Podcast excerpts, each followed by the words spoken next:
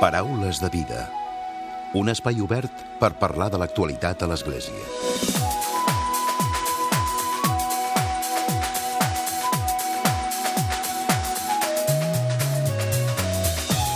Salutacions i molt bon dia, molt bon diumenge. Avui farem balanç de l'última edició de la Plec de l'Esperit, que s'ha celebrat a Tortosa aquest passat cap de setmana i farem conclusions, volem conèixer les conclusions que ens diuen els seus organitzadors, els seus impulsors.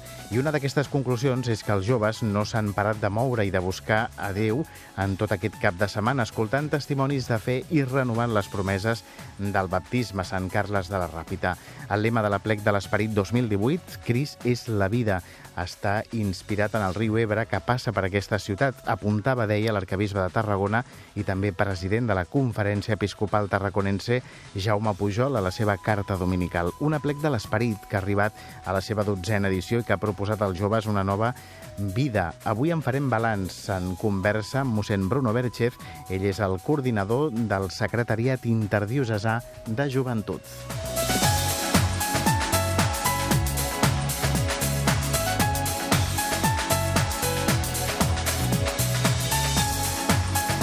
Com sempre, a la recta final del Paraules arribarà un nou comentari de l'actualitat de Francesc Romeu. Comencem.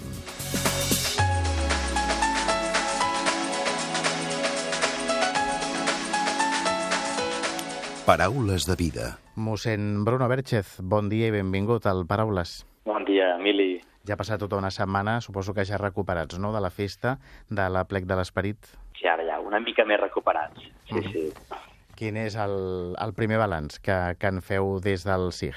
Doncs la veritat és que molt positiu i fins i tot diria sorpresos, no? No perquè pensi que anés malament, però, bueno, era una incògnita, no? Feia molts anys que no es feia una plec d'esperit a dos dies. Jo crec que els joves tampoc sabien on anaven, no? Perquè, clar, no tenien un referent, no? I, bueno, ha estat un, un part no fàcil, no? Perquè hi ha molta feina, és, bueno, és això, no? és un muntatge gran, no? Però veure, la, la veritat, la reacció dels joves com van entrar de seguida, no? I veure tota l'evolució dels joves i com han tornat, i com omplen la xarxa de missatges a Instagram que ha sigut una passada, que quan és el proper, que, que ha ajudat en la fe, la veritat és que bueno, estem bastant emocionats. Uh -huh. Quants joves han participat? Pues uns 1.200, al final. Uh -huh. És una xifra òptima, no? Òptima. Clar, és veritat que si ho compares amb altres anys, doncs pots dir, bueno, no, el, a Banyoles eren 2.000, abans eren 5.000, fa... Però clar, també les, xifres dels joves que es mouen a l'església, doncs, clar, són les que són. I també és veritat que el fet de dos dies a Tortosa feia que, bueno, que diríem, el, el jove que anava feia un acte de fe, dir, perquè no sabia molt bé on anava, no? Nosaltres el que em dius al principi és que l'objectiu és que tot jove que vagi, siguin els que siguin, torni content d'haver anat, no? dient ha valgut la pena. I que el que no ha anat digui, ostres, m'ho he perdut.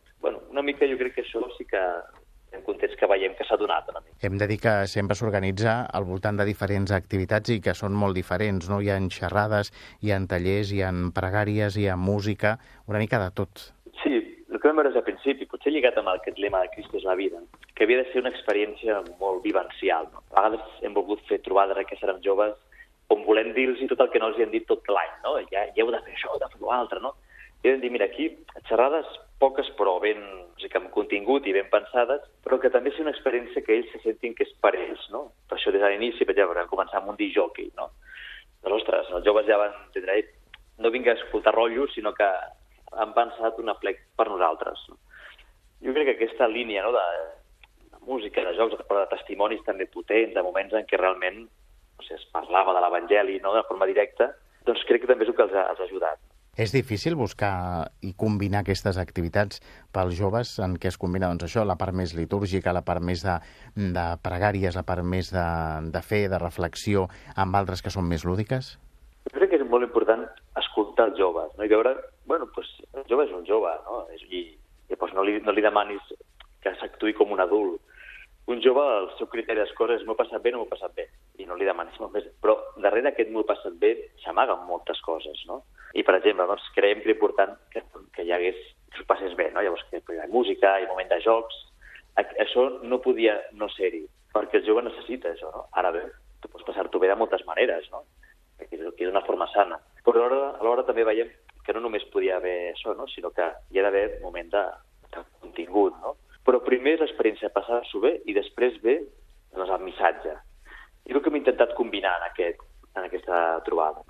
Com deies, heu estat també molt presents i els joves han compartit la seva experiència també a través de les xarxes socials, que suposo que és per on també s'apunta, no? O sigui, la, la comunicació i, i les activitats que, que es realitzin des de l'Església han de passar també per aquí obligatòriament, no? Sí, perquè al final també és on elles comuniquen, no? Llavors sí que ha fet una gran campanya també a Instagram, sobretot, doncs, comunicar el que es feia, sortien joves, no? que convidaven, i al final també és on ells expressen després, no? després el feedback i les fotos i tot. Sí, sí, és una mica... Clar, avui dia és forma part de la vida del jove i no pots no ser-hi. Uh -huh. Parla'ns de, mossèn Bruno, de, de com van anar els dos dies. Ara ho comentaves a l'inici, no? És la primera vegada que s'ha fet dos dies, mm, l'experiència ha estat bona, suposo que potser tindrà continuïtat en aquest format que s'ha fet ara? Home, doncs segurament sí, perquè veia que val la pena, no? Es, es va fer Tortosa, llavors a Tortosa, bueno, pues, va fer començar en el Parc Teodor, un parc així central, i allà hi va haver moltes activitats interessants, pues, un jockey, un mag, també, unes danses tradicionals, uns speakers que anaven animant, és molt maco i recordo l'imatge de veure que els joves eh, van començar a fer una pelea de gallos, no? és una cosa que fan ells, que es posen amb la música, es posen a ballar, un es posa mig a ballar, i van dir, mira, aquí han entrat, no? Després hi va haver l'entrada triomfal dels, dels abanderats, que és una cosa com molt de Tortosa, que també va ser un canvi, no? La cosa era que sempre hi havia alguna cosa diferent, alguna cosa que sorprenia. Després va haver els parlaments doncs, del, dels bisbes, no? també de l'alcaldessa, i després una petita representació, en clau simbòlica de, de la Samaritana, no? En comptes del pou, pou de Sicar, el bar de Sicar, no? Una noia que té set. Aquest tema de la set, no? que tots tenim set de felicitat, de passar-ho bé, però de, de sentir-se estimat. No? És una mica la idea de, bueno, de que reflexionin sobre què és allò que realment apaga aquesta set. A la tarda els van separar els adolescents i els universitaris. Els adolescents van anar a un parc molt gran que hi ha, i allà hi havia com cinc pous, i cada pou representava com una, direm, una aigua que ofereix el món per apagar aquesta set de felicitat. No? La set del tenir, la set de, de la imatge, la set de... Llavors hi havia uns personatges disfressats, molt divertits, que anaven fent com feien com caricatura d'això, no? La set de la imatge. Hi havia una youtuber no? que els convidava a fer-vos fotos, va, quan més guapa estigueu millor i tal. O la set d'això de la llibertat, doncs era el Kim Jong-un, que els deia que havien de fer el que volguessin, si dictadors com ell, no? Però just després hi havia tot, tot de jocs per aconseguir likes o el que fos, i llavors uns testimonis no? d'algun jove que deia jo he begut aquesta aigua i no és veritat. Nosaltres creiem que el treball amb joves avui juga molt amb això, no? de tu passes bé, però també, pum, no? de sobte hi ha aquí un missatge fort que, que diu, m'està fent broma, però això no és una broma, no? Aquest testimoni és de veritat. I després hi havia una representació que es va fer de una, una musical que és Lifehouse Everything, doncs d'una noia que busca i que s'allunya de Jesús i Jesús la va buscar, no? Amb la, amb la música, amb la representació sense paraules, que això parla molt, no? Després el bisbe Toni doncs, els va donar unes paraules, no? doncs, com de cloenda, no? Vinga, i tu què? I llavors van fer grups. Eren barrejats, jo tota Catalunya, i llavors en seguida, doncs, clar, van poder veure que aquest, tenen moltes semblances, no? encara que estiguin a diferents llocs a Catalunya, en realitat tots tenen els mateixos problemes, les mateixes cerques, les mateixes inquietuds. És a dir, joves que prèviament no es coneixien. No, no, no, perquè eren de, de llocs, de parròquies i moviments de tota Catalunya. Uh -huh. bueno, aquesta és una... que puc explicar totes les activitats, però... pues mira, després els universitaris van fer una altra cosa, va ser una gincama vocacional, no? lligada al tema de la recerca del teu lloc a la vida, que els portava en un, en un lloc on hi havia un testimoni molt, molt punyent d'un jove que havia trobat la seva vocació, però a través de moltes dificultats a la vida, no? Que a vegades és això, no? Com puc saber jo què vol Déu de mi, no? Del meu lloc. A vegades doncs, no, és, no és tan fàcil, no? I a vegades de les desgràcies en poden sortir també, diríem, gràcies. Uh -huh. L'Eucaristia, sí. que va ser molt viscuda allà a la catedral, amb un grup de música d'allà de, de Tortosa. Llavors venia la tarda, la nit, que la cosa no s'acabava aquí. Llavors un grup amb una batucada molt, molt, molt tremenda, els va portar als 1.200 per tota Tortosa, que la gent anava, què passa, què passa aquí, no? Que anaven els joves allà ballant, allà tot ah, flipats, fins al seminari, que és, està a dalt de Tortosa. Allà es va sopar, i allà venia la nit. Uh -huh. Que per un jove la nit és un moment màgic, no? La noche és la noche. I allà hi va haver tres moments. Hi va començar el disjockey a posar música que es va crear un moment que dic, sembla que estiguem a Eivissa, tu estaven allà, però dándolo todo als joves. Però va ser maco, perquè bueno, en una trobada cristiana el jove s'ho disfruti saltant i ballant perquè posa música i sent a gust en un ambient que és seu, però alhora entenc que això no és un lloc tampoc ni de drogues, ni de, de sexe fàcil, no? és Tot- una altra història. Tot i que no és, no és, no és incompatible, no?, el fet de divertir-se i de, i de ser creient i de, i de passar-s'ho bé. Això, aquesta era una mica la idea. I després va venir el concert, que era un, un grup que vam demanar, que va venir d'Anglaterra, uh Ahà. un grup evangèlic, bueno, anglicà, que toca música worship, és una música cristiana, sona com Coldplay, així, però que és música espiritual, no? que parla de la fe, però també és, és canyera, no? És un grup, bueno, és un grup mica consolidat allà, no? Llavors, havien passat les cançons, les coneixien, i va ser molt xulo, perquè va ser un concert, no? De, un concert on, on pregaven també, no? Això, sí, maco. Uh -huh. Llavors va acabar un moment de pregària, al final, eh, va sortir doncs, el Santíssim Sagrament, no? que tu dius, bueno, està com molt carca. Però, però clar, en un ambient així, amb, els murs, amb la música, amb, el, les llums i tot, es va quedar mi molt maco, d'una mitjoreta de pregària, amb cants, que ens va convidar a dir, mira, no, al final tot això ve de Jesús, no? Pues, ja, doncs mira, parla amb ell i ell triga amb ell. No? I quan va acabar, doncs, una mica més de música i a dormir. I després us esperava el següent dia, no? Sí, llavors diumenge van dormir poquet, com es pot suposar, però bueno, algú van dormir. I el diumenge vam anar a Sant Carles de la Ràpita, també la de anem a la platja, no? canviem d'escenari, i allà doncs, van començar una dinàmica molt, molt divertida, no? que era que havien de fer-se, es plantejaven situacions, que no sé, com a cristià com actuaries davant d'això, situació difícil a la classe o davant de la pobresa del món, davant de tal. I havien de fer-se fotos i es enviaven un, a un telèfon que els havien donar i nosaltres penjàvem a Instagram havíem de posar likes a les fotos de tots. Llavors allà estaven totes les fotos a aquest perfil d'Instagram. Llavors arribaven després al parc de Garbí, que és molt de la platja, i allà els convidàvem a veure, a veure, a veure quin era que tenia més likes, no?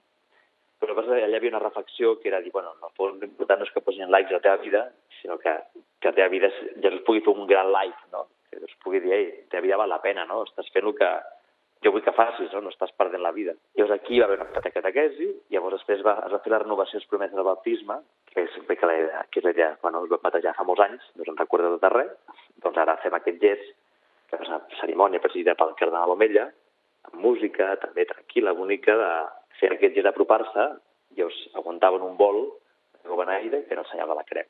Uh -huh. Tot això va ser el diumenge. Mm, Bruno, parlem també de... Ara has explicat totes les, les activitats que s'han fet, d'una manera també de, de com es planifiquen. Eh, Suposo que ha de funcionar tot eh, de manera molt coordinada, no? Perquè una cosa porti a l'altra. Sí, aquí l'important és que hi hagi com responsables d'àrea, no? Uh -huh. Jo crec que ha estat una experiència bonica perquè els delegats, bueno, cada un està a casa seva, tampoc són professionals d'aquest tema, vull dir, molts són capellans, que a seminari això no ho ensenyaven, a muntar eventos aquests, i també alhora, i alhora també grans t'has de fiar dels equips de, de gent professional, no? que són els... I, i de la gent del territori, de Tortosa, llavors tota organització entre els voluntaris, entre gent professional i els delegats, bueno, hi havia, hi havia, hi havia, hi havia d'haver certa coordinació. Va ser molt maco que ens vam trobar els delegats com tres dies abans doncs, per acabar de rodonir les coses. I vam fer molt d'equip, també vam fer molt de pinya, dormíem junts allà a una habitació amb lliteres i tal. Això també va fer que arribéssim allà doncs, com un equip. No? Jo crec que això que va ser una part, entre cometes, d'un cert èxit, això és que també molt, molt a la una, tot i ser molt diferent dels delegats. I a partir d'ara, què, mossèn Bruno? Quan serà la propera cita i a on serà el proper aplec de l'Esperit? Bé, si, si hem de fer és de seguir la tradició, és cada quatre anys, com les Olimpiades, i el lloc, en principi, el decideixen els bisbes. Tot i que hi, ha, hi havia uns rumors, perquè no s'ha fet mai a Mallorca, i de que xulo seria fer això a Mallorca. Però, clar, és més complicat també, ja, ja s'ha d'anar amb vaixell i tot. És... És a dir, que surt, com a mínim ha sortit la proposta, la idea. Però és veritat que ha de venir, de, en aquest cas, de dalt dels bisbes. No? És maco una cosa que els joves demanen, diu, home, quatre anys, tu, després de saber què ha passat al món. Potser Clar. n'existim. Llavors, home, potser es podia fer alguna cosa abans. Bé, ara tindrem una reunió a Mallorca, justament, els delegats, a inicis de juny per valorar i a veure què fem, no? És veritat que els aplecs, és, quan l'any que hi ha plec, és només hi ha plec. Llavors, potser també hem de veure si és, la, si el format o es poden crear formats més, més tranquils entremig abans de la plec, que és com el gran, pues, gran evento. No? Com a trobades preparatòries, potser. Sí, una cosa està clara, que el jove cristià, avui catòlic, així de parròquia, tal, li agrada trobar-se amb altres joves que viuen el mateix que ell, perquè moltes vegades doncs, sent una mica sol, sent? I, i veure una trobada on no cal que deixi de ser jove per ser cristià i que li enriqueixi, li ompli, doncs jo crec que ho, ho agraeix. Bueno. Mm -hmm. Doncs, mossèn Bruno, eh, ara parlem, estem avui parlant de, de, de la plec de, de l'esperit. Suposo que la feina que feu des del Secretariat Interdiocesà de Joventut eh, els mesos previs és important també, no?, per deixar-ho tot enllestit. Quantes persones esteu al capdavant del, del secretariat o quantes persones hi participeu? Doncs som 11 delegats i una secretària, la Sílvia. Diríem que cada diòcesi, que aquí són les diòcesis catalanes, més Mallorca, que també s'hi suma, tot i que no estigui a la Comissió Episcopal Tarraconense. Uh -huh. Llavors, bueno, ens trobem allà. Jo crec que és maco perquè no... Un cop al mes ens trobem sempre, al matí, i després parlem i tal, i després acabem dinant, no? Sempre ho diem, que no ens agrada tampoc ser agència de viatges, muntar només eventos, ens agrada pues, reflexionar, pensar cap on ha d'anar la pastoral de joves. Clar, de fet, ha d'haver-hi el missatge no? principal de, de rerefons, no? de reflexió. Clar, què volem dir, què, què és un jove cristià avui dia, no? en el segle XXI? Què, què vol dir això? Que això ha d'estar prèvia a oferir alguna cosa, també sabent que són realitats molt diverses, perquè doncs, jo estic a Barcelona, clar, no té res a veure amb Tortosa, per exemple, o amb Lleida, o Girona, o tot i que sí que hi ha el nexe comú, no?, de la, de la creença, de la fe i de la, mm. i de la manera de, de viure, no?, la, el fet mm. cristià. Jo crec que la, els joves no són tan diferents, perquè avui dia, ja, ja ho veies, no? que, perquè els joves fossin d'Urgell com fossin d'Hospitalet, escolta, votaven igual amb els de jockey i, i jugaven i, i sortien tocats igual. Tant, el jove avui dia no és tan diferent. Però sí que és diferent la seva realitat d'església. A Barcelona hi ha molt més oferta, per exemple, no? doncs hi ha molta més, molts més grups i moviments i, en canvi, potser a Urgell, doncs, costa trobar, no? Ha de ser en els nuclis urbans, i els joves, doncs, clar, estan més solets. Uh -huh, clar. També passa. També... Però, bueno, aquí està el repte, no? Aquest era el repte. Doncs un repte que, que de ben segur que, que s'ha assolit mossèn Bruno Berchez, ell és el delegat de, de l'Arcabisbat de Barcelona, el delegat de Joventut de l'Arcabisbat de Barcelona i també coordinador, en aquest cas, del Secretariat Interdiocesà de Joventut, que han estat els encarregats d'organitzar aquest aplec de l'esperit que s'ha fet el passat cap de setmana es feia, en aquest cas a Tortosa. Mossèn Bruno, gràcies per haver-nos acompanyat avui. Oh, que a Mallorca tenim eleccions, o sigui que jo segurament no veurem si canvia o no canvia, jo també dic, jo ja he fet la meva feina, potser ara li toca una altra... Agafar el relleu. De l'agafar la, de de el relleu, jo, per tant, convidaré a que hi hagi relleu. Doncs estarem molt pendents també d'això. Gràcies, mossèn Bruno. Oh, tu, home. Paraules de vida. Un espai obert per parlar de l'actualitat a l'Església. I tot seguit arriba el comentari de l'actualitat de Francesc Romeu. Francesc, molt bon dia. Molt bon dia a tothom. El papa francès diumenge passat va fer públic el nomenament, o millor dit, la creació d'un paquet de 14 nous cardenals, entre els quals nosaltres hi destaquem avui la de l'arcabisbe mallorquí Lluís Francesc Ladària, l'actual prefecte de la Congregació per la Doctrina de la Fe, i també el missioner vallisoletà Aquilino Bocos Merino, que per raó de tenir ja els 80 anys no podrà ser elector en un conclave. Els dos espanyols rebran la porpra al costat dels altres 12 prelats al consistori que tindrà lloc a Roma el proper 29 de juny, festa dels apòstols Sant Pere i Sant Pau. Recordem que Lluís Francesc Ladaria Ferrer, nascut a Manacor l'any 1944, és jesuïta. Va ser professor de teologia a la Pontifícia Universitat Gregoriana de Roma i el juliol del 2017 va ser nomenat pel papa francès prefecte de la Congregació per la Doctrina de la Fe, l'antic Sant Ofici, el qual va arribar com a secretari ja fa 10 anys, el 2008. Pel que fa a l'altre espanyol, Aquilino Bocos Merino, va néixer a Canillas d'Esgueva, a Valladolid, el 1938.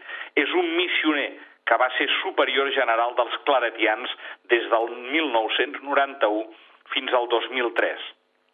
El, els claretians van ser fundats a Catalunya pel també missioner català Sant Antoni Maria Claret.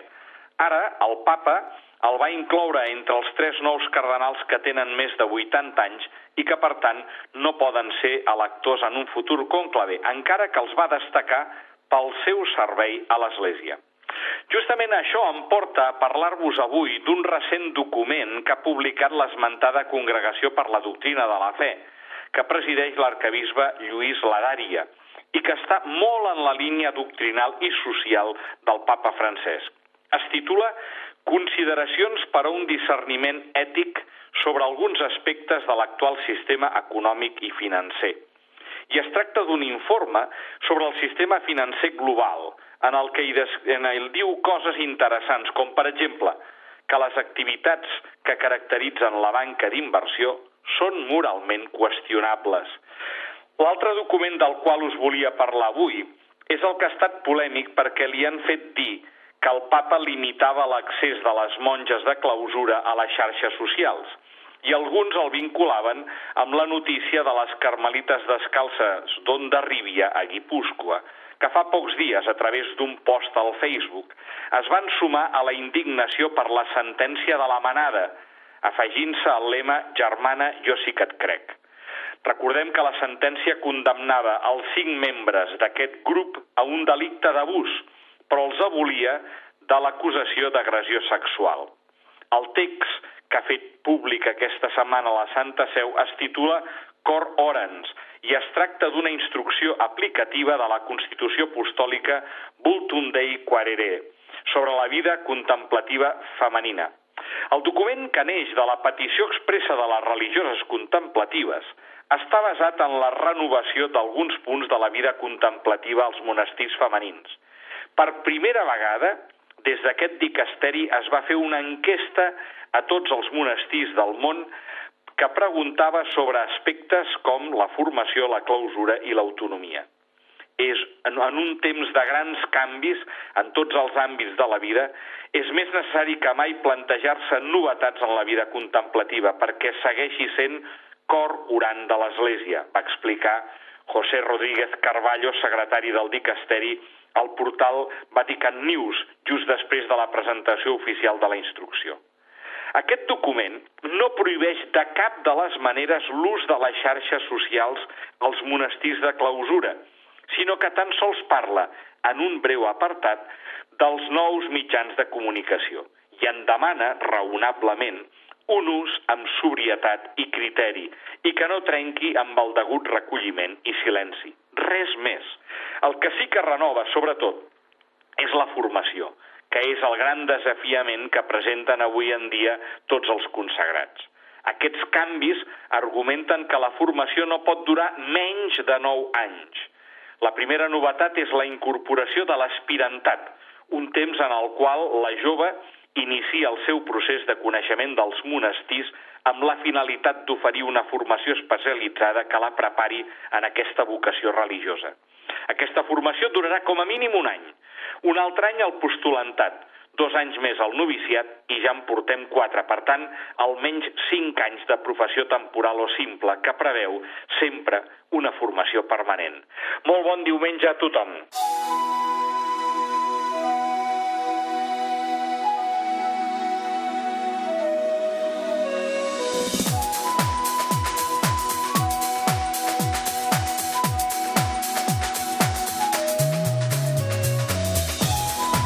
Fins aquí el Paraules de Vida d'aquesta setmana. L'Eduard Nas ha estat el control tècnic i qui us ha parlat l'Emili Pacheco. Que passeu bon diumenge i una molt bona setmana.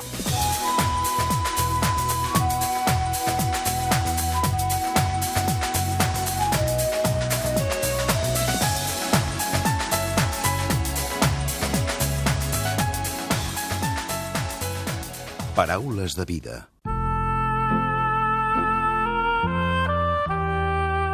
Us oferim la carta dominical de l'arcabisbe de Barcelona, Joan Josep Omella.